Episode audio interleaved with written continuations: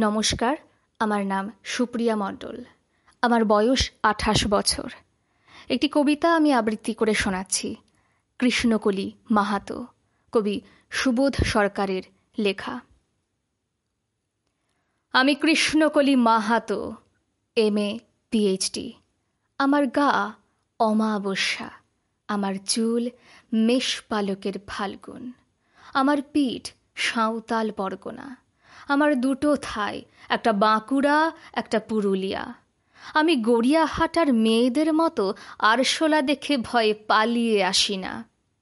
বোমায় বাঁ হাত উড়িয়ে যাওয়া বাবা কতবার আমার বই পুড়িয়ে দিয়েছে, কতবার আমার দুঃখী মা বলেছে, মেয়েদের বড় হতে নেই।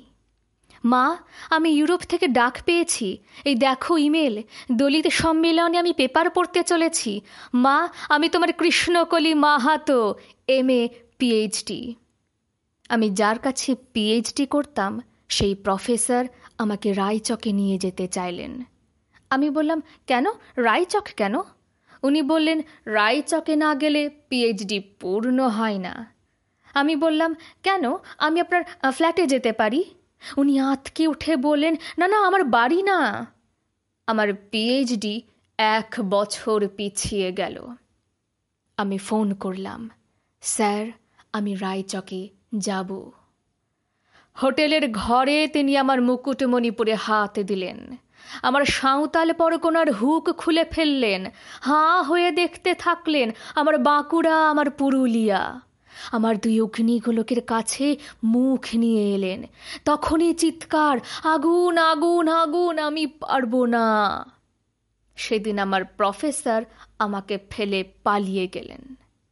আমি Krishnakali Mahato M A PhD কত কষ্ট করে, কত অপমান সহ্য করে, জঙ্গলে রাত জেগে বই পড়ে আমি এখানে এসেছি। কেউ আমাকে জায়গা ছেড়ে দেয়নি, কেউ কাউকে জায়গা ছেড়ে দেয় না না পুরুলিয়ায়, না কলকাতায়। মা, আমি চেকিং করে ভেতরে এলাম। মা, আমি ইমিগ্রেশনে দাঁড়িয়ে। বাবাকে দেখে রেখো, মানুষটার একটা হাত নেই। অফিসার আমার নাম উচ্চারণ করলেন, কৃষ্ণকলি মাহাতো। আমি বিমানের সিঁড়ি দিয়ে উঠছি, মা। বিমান সেবিকা আমাকে ম্যাডাম বলল, আমাকে আমার নাম্বারে নিয়ে গিয়ে বসালো। আমি সিট বেল্ট বেঁধে ফেললাম।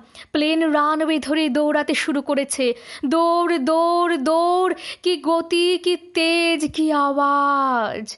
আমার মনে হলো, বিমান রানওয়ে ধরে দৌড়চ্ছে না। দৌড়চ্ছি আমি আমি আমি। আমি Krishnakali Mahato, M A PhD আমি কৃষ্ণকলি মাহাতো। নমস্কার।